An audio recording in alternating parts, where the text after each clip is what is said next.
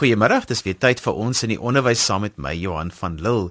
Vandag praat ons bietjie oor skoolhoofde of prinsipale se rol in skole, oor watter bestuursvaardighede en bekwaamhede moet 'n prinsipaal beskik en hoe gemaak as ek dalk by 'n skool is waar ek voel die prinsipaal kom nie die mas op nie. Linda Rose is afgetrede hoofdirekteur van distrikte in die Wes-Kaap en het vir baie jare met hoofde gewerk. Linda, jy verkies eintlik die woord prinsipaal bo skool. Verduidelik vir ons luisteraars hoekom. Baie dankie. Ek is bly om hier te wees, Johan. Ja, die woord prinsipaal of die titel prinsipaal kom eintlik daarop neer dat die persoon is die prinsipaal onderwyser of 'n onderwyseres by die skool. Miskien is hoof ook goed genoeg. Kan dan kan ons sê die persoon is die hoofonderwyser. En dit is eintlik wat die hoof of die prinsipaal is. Deesdae praat ons van die skoolhoof. Natuurlik is hy ook in beheer van die skool, maar heel aan die begin is die persoon die hoofonderwyser by die skool. En uh, later sal ons gesels oor Eh, die belangrikheid van daardie uh, term. Linda, oor watter bestuursvaardighede en bekwaamhede moet 'n prinsipaal beskik? Daar's nogal 'n hele paar bestuursvaardighede. Kom ons begin met die beplanningstaak van die skoolhoof. En hierdie beplanning moet natuurlik altyd gemik wees op die effektiwiteit van 'n skool. Hoe doeltreffend die skool as 'n organisasie werk en natuurlik dat die skoolhoof daardie plan sonder huiwering sal implementeer want jy kry baie skole met planne en dan word dit nie geïmplementeer nie. Tweedens en hier kom daar die woord prinsipaal weer in. Die prinsipaal moet altyd na die hoogste gehalte van leer en onderrig kyk en alles is vir die kind want dit is hoekom skole bestaan. Ek sê altyd skole is nie daar gestel om kinders op te pas nie. 'n Derdens, ek het dit al genoem, die uitvoer van die verbeteringsplan, maar die kommunikasierol van die skoolhoof ten opsigte van daardie plan. Dit help nie hy het 'n plan of sy het 'n plan en die ander rolspelers weet nou nie wat in die plan staan en hoe dit uitgevoer uh, sal word nie. Die ontwikkeling van die personeel, die ontwikkeling van die kinders, dit moet 'n fokuspunt van die skoolhoof wees en om dit te kan doen, moet die hoof saam met die gemeenskap en die ander rolspelers kan werk. 'n Baie belangrike vaardigheid is deelnemende besluitneming. Nou baie mense voel dat uh, daar was 'n tyd toe ons gepraat het oor demokratiese besluitneming en die besluite van die meerderheid sal dan deurgevoer word. Nee, die hoof sal altyd die persoon wees wat die finale besluit moet neem. Maar hy moet natuurlik inligting inwin en uh, dan die beste besluit wat vir die kinders sal wees uh, neem natuurlik sy integriteit sy billikheid in sy omgang met uh, mense. Hy moet eerlik wees respekvol en nederig. Dit is, 'n mond vol nie is is nie maklik nie Linda se kinders mooi luister en dink ek dadelik vir alles wat jy nou gesê het by die aanstelling van 'n skoolhoof. Watter prosedures is in plek om te verseker dat daardie persoon wel oor die bestuursvaardighede beskik of die eienskappe beskik wat jy nou genoem het om so 'n pos te bestuur en dan buite dat iemand net 'n goeie onderhoud met die beheerliggaam moet doen? Na my mening is die swakste rede wat gegee kan word die volgende: Hy is al 35 jaar lank hier by ons skool. Hy ken die skool en ehm um, hy het nogal goed saamgewerk met die personeel en of die vorige hoof. Dit is nie goed genoeg nie. Uh, op 'n tegniese vlak is daar verskillende prosesse in plek. Die een is die sifting deur die provinsiale departement. Tweedens is daar die opleiding van die skoolbeheerliggaam ten opsigte van die vulling van poste. En derdens is die teenwoordigheid van die kringbestuurder of die distrikdirekteur om die rol van 'n hulpbron te speel ook 'n baie belangrike tegniese aspek. Maar volgens my is daar ander prosedures wat belangrik is of selfs belangriker is. Die komitee wat die vulling van die pos gaan behartig, moet gedurende die kortlystingsproses spesifiek soek vir voorbeelde van sukses met verbeteringsprojekte by die persoon se vorige skole. soek vir bewyse van die persoon se rol in sulke aksies. Wat was die resultaat van die persoon se pogings? Die biodata wat dikwels in sulke aansoeke uh, gegee word, is nie genoeg nie. Die uh, skoolbeheerliggaam of die komitee moet ook die referate kontak. Die persone wie se name daar genoem is, veral daardie persone wat met die persoon in vorige poste of skole gewerk het. Die skoolbeheerliggaam kan ook die inligting van vorige skole se vordering bestudeer om te besluit of die persoon met hierdie skool sal kan werk en die skool vorentoe neem. Hierdie skool verbeter wat het daar by die ander skool gebeur? En laastens behoort die skoolbeheerliggaam vrae te stel wat vir hulle aanduiding gee dat die aansoeke die vermoë het om verbetering by hierdie skool, by ons skool te bewerkstellig of om te verseker. Selfs uh, as die persoon 'n adjunkhoof was of 'n departementshoof, sal ons vrae stel wat 'n aanduiding sal gee of die persoon 'n konstruktiewe bydrae ten opsigte van verbetering by ons skool sal kan deurvoer. Linda, watter ondersteuning is daar vir prinsipale beskikbaar veral as hulle sopas aangestel is in die begin van 'n onderwysleiersloopbaan? Is daar induksieprogramme, is daar mentorskapprogramme wat so 'n persoon moet volg? Ja, Johan, in die meeste van die provinsies is daar sulke programme. Eintlik behoort die provinsiale onderwysdepartement induksieprogramme daar te stel en in die Weskaap byvoorbeeld vind die induksie van nuwe skoolhoofde plaas voordat hulle by die skool begin byvoorbeeld in Desember of Januarie as die persone aan die begin van 'n nuwe jaar die pos gaan vul en dikwels vind induksie oor 'n tydperk plaas, byvoorbeeld oor 18 maande. En die kringbestuurders is ook veronderstel om daardie induksie voort te sit deur die prinsipaal te mentor, 'n gereelde skool by te woon en sulke besoeke moet gebruik word om te monitor en uit te vind watter induksie of watter opleiding die skoolhoof benodig. Sommige van die distrikskantore stel ook mentors aan of hulle vra buur skole se prinsipale om die nuwe hoof te mentor. Miskien moet ek ook noem, daar's ander instansies wat ook opleiding aanbied, byvoorbeeld uh hoofdeverenigings, die universiteite en sommige maatskappye betaal ook vir sulke kursusse. 'n Voorbeeld, ek was nogal verlede week by so 'n kursus wat deur Capitec Bank en die Principals Academy in die bestuurskool van IK aangebied word en daar was 25 prinsipale gedurende die vakansie uh, by hierdie opleidingskursus. Martin Hedger het bietjie vir ons gaan uitvind oor watter soorte leiers moet hoofde alles kan wees. Kom ons luister. Ek dink die eise op hoofde het baie groter geword as wat in die verlede was. Vandag moet jy 'n 'n bestuurder wees van al haar fasette. So buite dat hy 'n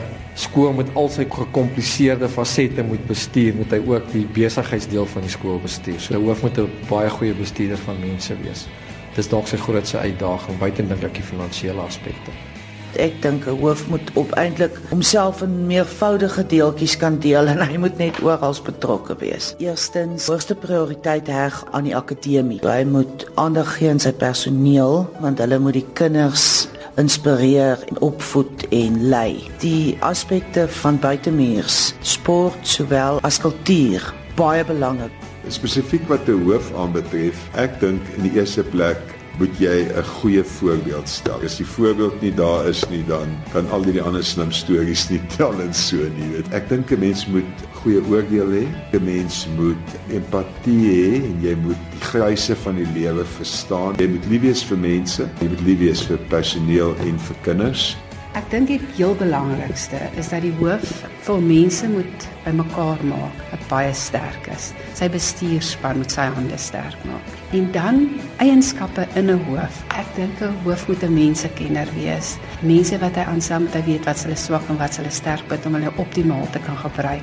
En hy moet intens betrokke wees en bewus wees van alles wat aangaan by die skool. 'n Goeie leier het goeie mense om hom, maar hy staan nog steeds die sterkste uit. Ek as personeellid wil elke jaar nuwe hoogtes bereik. Ek wil kan groei en die hoof moet my goed genoeg ken en weet waar hy my kan gebruik om dit dan nou optimaal te benut. Want ek voel ek groei as personeellid, so ek baie meer vir die skool kan beteken en vir die leerders. Dit was Martin Hetcher wat vir ons gaan uitvind het oor watter soort leiers moet hoofde alles kan wees. Ons gesels vandag oor die rol van prinsipale in skole. Onthou as jy die eerste gedeelte van vandag se ons in die onderwys gemis het, jy kan weer daarna luister as 'n potgooi. Laai dit af by rsg.co.za. My gas vandag is Linda Rose. Sy is afgetrede hoofdirekteur distrikte Wes-Kaap en sy het baie jare se ondervinding in om met prinsipale te werk. Hoe word 'n prinsipaal professioneel voorberei vir hulle werk? Ja, dis nog 'n baie belangrike vraag. In die eerste plek voel ek dat 'n goeie hoof wat 'n goeie voorbeeld stel, 'n waardevolle rol in die professionele ontwikkeling van sy personeel speel. 'n Goeie skool is ook 'n belangrike leermeester as ek daardie term kan gebruik vir professionele ontwikkeling. Baie onderwysers weet nie wat by hulle skool gebeur en dan dink hulle dit is hoe 'n skool behoort te wees en dit is hoe 'n hoof behoort te werk. Hoofde is verantwoordelik vir die ontwikkeling van hulle personeel. Hulle moet ook personeellede wat aspireer om hoof te word, geleenthede gee om funksies te bestuur en verskillende rolle te speel. Natuurlik voordat 'n persoon 'n hoof word, is sy 'n departementshoof of 'n adjunkhoof en dit is hoe dit behoort te wees. En dan sal die persoon baie geleenthede kry om professioneel te ontwikkel behalwe die feit dat die persoon ook kursusse bywoon en daar is vele kursusse. Byvoorbeeld die instituut hier in Kuilsrivier het kursusse vir die professionele ontwikkeling van departementshoofde en adjunkhoofde Linda, wat beteken leierskap in 'n skoolhoofkonteks en binne skoolverband en oor watter leierskapsrolle moet 'n hoof oorbeskik? Ek gaan net noem die verskillende soorte leierskapsrolle en funksies wat 'n hoof moet speel. Die eerste is natuurlik sy strategiese leierskap. Ons het al genoem, hy moet die plan daarstel en dan moet hy die plan uitvoer. Hy moet die klimaat skep sodat die kinders kan leer en dat die skool kan verbeter. Verbetering is 'n baie belangrike aspek hiervan.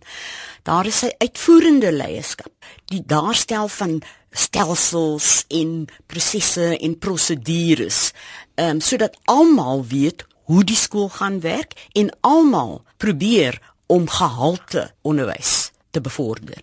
Instruksionele leierskap, ek het al aan die begin hiervan gepraat en dit het te doen met wat in die klaskamer aangaan. Uh is die onderwyser opgewasse, is die onderwys opgelei, uh word rekenaars gebruik, klaskamer dissipline en so voort. Dan is daar natuurlik kulturele leierskap. Wie die prinsipaal hoe om met 'n diverse groep mense te werk met die gemeenskap met wie hy behoort te werk. Waaruit bestaan hulle? Wat soort mense is hulle?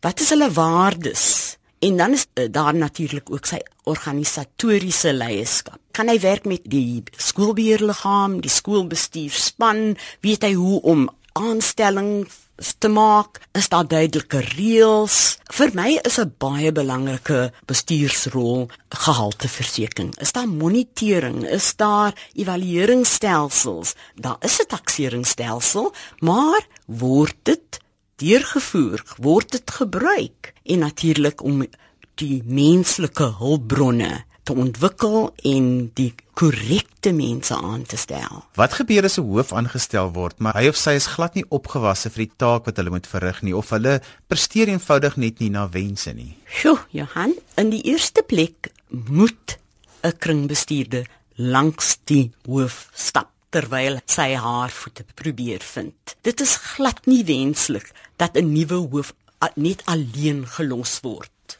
Kom ons kyk of sy sal sink of swem. Dit sal vir die kringbestuurder baie gou duidelik wees dat daar fout is, want die werksamehede van die skool word baie gou uh, geraak wanneer die leierskap of die hoof nie die mas opkom nie. Daar is 'n proses wat gevolg word. Onderwysers vergeet soms dat ons nie sommer die hoof weg van die skool kan neem nie. Dis 'n proses wat gevolg word. So die persoon moet gementor word, die persoon moet geleentheid gegee word om te verbeter. 'n Mentor kan deur die distrikkantoor aangestel word of selfs 'n wat ons noem 'n caretaker, 'n principal. Maar die proses moet gevolg word. En op die ou einde as daar nie verbetering is nie, dan sal die incapacity proses gevolg word. Maar dit gebeur nie sommer so nie. Linda gestel ek is op 'n personeel, maar my hoof beskik nie oor die bestuursvaardighede om ons skool na wense te bestuur nie. Hoe moet ek en my mede-onderwysers dit hanteer? Johan, Ons moet onthou dat die hoof nie die enigste bestuurder by die skool is nie. Daar is 'n bestuurspan en ons moet daarna kyk of al daardie rolspelers die prinsipaal ondersteun. Hulle het almal funksies wat hulle moet verrig en is die prinsipaal die enigste persoon wat uh, nie sy werk kan doen nie of is dit die hele span? Ek wil net ook noem dat dikwels veral by nuwe prinsipale word hulle nie deur ander bestuurders by skool geondersteun nie want mense voel dat hulle die pos moes gekry het. So die prinsipaal se werksamehede kan ook gesaboteer word. Um, in die eerste plek moet die skoolbestuurspan die hoof ondersteun. En die onderwysers kan ook die skoolbestuurspanlede gebruik om die skoolhoof kennis te gee dat die personeel verbeterings in sekere aspekte van die skool se bestuur wil sien. Gewoonlik kan die onvermoë van 'n hoof gou opgemerk word en die kringbestuurder moet hier 'n rol speel. Maar dit sal nie help as onderwysers byvoorbeeld briewe na die hoofkantoor toe stuur of na die distrik nie. Probeer eers om op die laagste vlak die inligting oordra.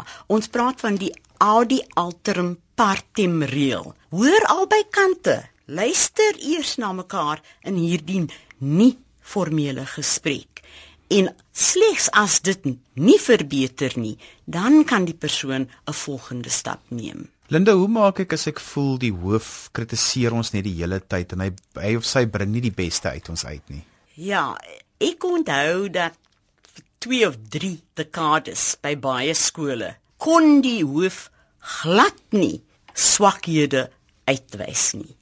Dit was 'n soort van 'n kultuur wat geskep is en wat daar geheers het waar die hoof nooit onderwysers of personeellede se foute kon uitwys nie of selfs vakdepartemente. Maar deesdae is dit anders. Die hoof moet verbetering by die skool dryf. Die hoof is veronderstel om probleme op te los en dis sal hy of sy sulke swakhede of swakpunte moet uitwys.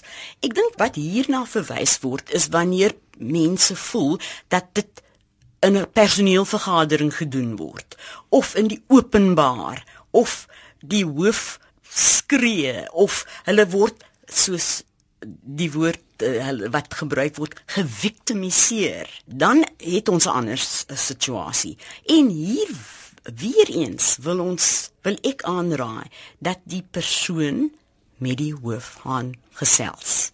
Die hoof te weet dat dit is die prosedure dis 'n nie formele gesprek en die audi alterum partem reël is die reël wat toegepas word. En dan gee vir mekaar 'n kans om te verbeter.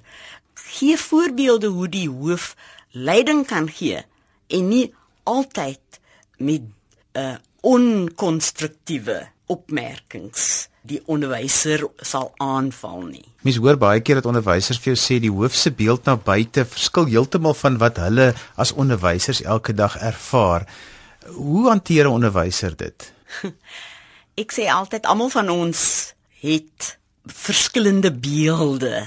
Ons werk uh verskillend met verskillende groepe mense en ons moet onthou dat die hoof nie noodwendig met ouers sal praat soos uh hy met die personeel sal praat nie en veral as hy met uh, die bestuurders van maatskappy gesels omdat hulle geld aan die skool wil gee nie dan sal dit 'n ander storie wees maar ek verstaan ook dat die personeel mag voel dat die hoof 'n valse beeld na buite stuur en dat wat die mense daar buite van hom dink is glad nie hoe hy by die skool optree nie. Daar is nog 'n geleentheid om hierdie inligting met die hoof op 'n nie formele vlak te deel. Dis twee redelike mense of 'n vakdepartement kan byvoorbeeld die hoof na 'n vergadering, 'n vakvergadering toe uh, nooi en dan hierdie punte maak sodat hulle op daardie nie formele vlak belangrike inligting ten opsigte van die werksamehede van die skool kan deurgee. Dit is altyd die beste want ons wil nie groepe of uh, kliks of mense teen mekaar. Ons wil nie hê dat daar wrywing moet wees omdat mense nie hierdie inligting met mekaar gedeel het nie. Linda baie keer is 'n bestuurder nie bewus daarvan dat hulle bestuursleemtes het nie, dat hulle foute maak in hulle manier van hoe hulle mense bestuur nie. En dan begin 'n skool ook baie keer daaronder ly en baie keer is 'n mens baie lief vir jou skool. Jy's al baie jare by die skool en jy sien hierdie ding voor jou gebeur. Hoe hanteer 'n mens dit? Ek dink ons het daardie vraag beantwoord, nê? Vir baie onderwysers veral is dit moeilik om met die hoof te gaan gesels dan moet die persoon die skoolbestuurspanlede gebruik en weer daardie beginsel van redelikheid implementeer want die audi alterum partem reël is belangrik. Dit sal nie help om met ander mense buite die skool te gaan gesels nie, want dit is nie deel van die prosedure wat gevolg moet word nie. So praat met die bestuurspanslede, nie so nie, reële afspraak met die hoof en dis moontlik ook om uh die unie persoon by te hê by hierdie nie formele gesprek en luister na mekaar en dit is ook belangrik om die pad vorentoe te skets en dan op 'n later geleentheid weer te gesels om uit te vind of die situasie verbeter het. Dis aan alwaar ons tyd het vandag. My gas was Linda Rose, afgetrede hoofdirekteur distrikte in die Wes-Kaap. Ons het vandag gesels oor die rol van prinsipale in skole. daarmee groet ek dan vir vandag tot volgende Sondag van my Johan van Dil. Totsiens.